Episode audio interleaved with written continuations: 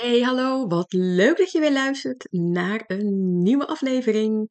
Mijn naam is Esmeralda Hupner van Praktijk Connectie en met mijn podcast hoop ik jou te voorzien van inspiratie en tips om jouw zelfvertrouwen te vergroten en meer zelfliefde te voelen.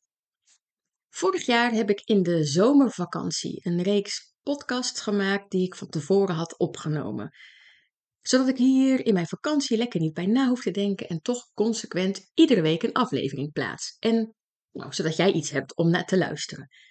Vorig jaar heb ik een serie gemaakt uh, met verschillende manieren om te visualiseren.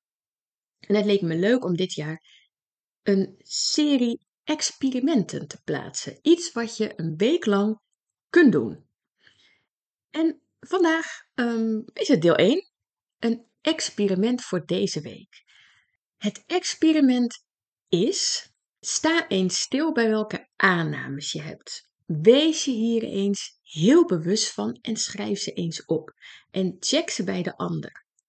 Een paar weken geleden nam ik er een aflevering over op. Um, dat zal een aflevering 101 of 102 zijn. Ik weet het niet precies. Ik weet heel echt totaal niet waar ik nu zit met de afleveringen ergens begin van de 100. Dus luister deze even als je het interessant vindt. Het gaat echt over het doen van aannames, welke aannames je maakt. En nou, dus nu is de uitdaging om je echt hier bewust van te worden. En als het mogelijk is, het ook navragen bij de ander. Ook of juist zelfs als je iemand al heel lang kent. Want ja, eigenlijk doen we allemaal zoveel aannames dat we onze, dat, ja, weet je, het gaat automatisch. We zijn ons er vaak niet bewust van. Dus dit kan je best wel brengen. Zo hoorde ik eens een verhaal van een man en een vrouw die al 50 jaar met elkaar getrouwd waren. En iedere week aten ze een broodje. En de man sneed iedere week dat broodje door de helft en gaf zijn vrouw het bovenste deel, want dat was volgens hem lekkerder. Na 50 jaar kwam het toevallig een keer ter sprake en bleek dat de vrouw liever het onderste deel van het broodje had. De man had gewoon klakkeloos aangenomen dat ze het bovenste deel lekkerder vond, omdat hij dat ook vond. En zij dacht dat hij het onderste deel lekkerder vond. Nou, zo zie je maar weer. Als de communicatie er niet helemaal is, dan, um, ja, dan ga je er gewoon van uit dat de dingen die jij aanneemt, dat die ook echt zo zijn.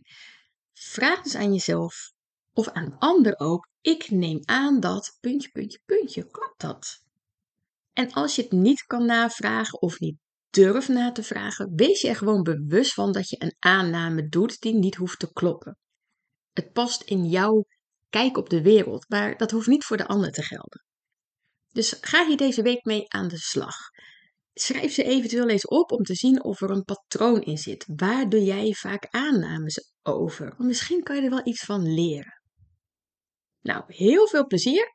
En volgende week plaats ik een nieuw experiment. Laat het me weten als je uh, deze aflevering leuk vindt en als je het experiment hebt gedaan en wat jouw bevindingen zijn. Vind ik altijd super leuk om te horen. En deel deze aflevering ook in jouw stories op Instagram. En tag me dan ook even, dan kan ik het zien. En daarmee um, nou, help je anderen ook weer. En ik wens jou nog een hele fijne dag. Doei!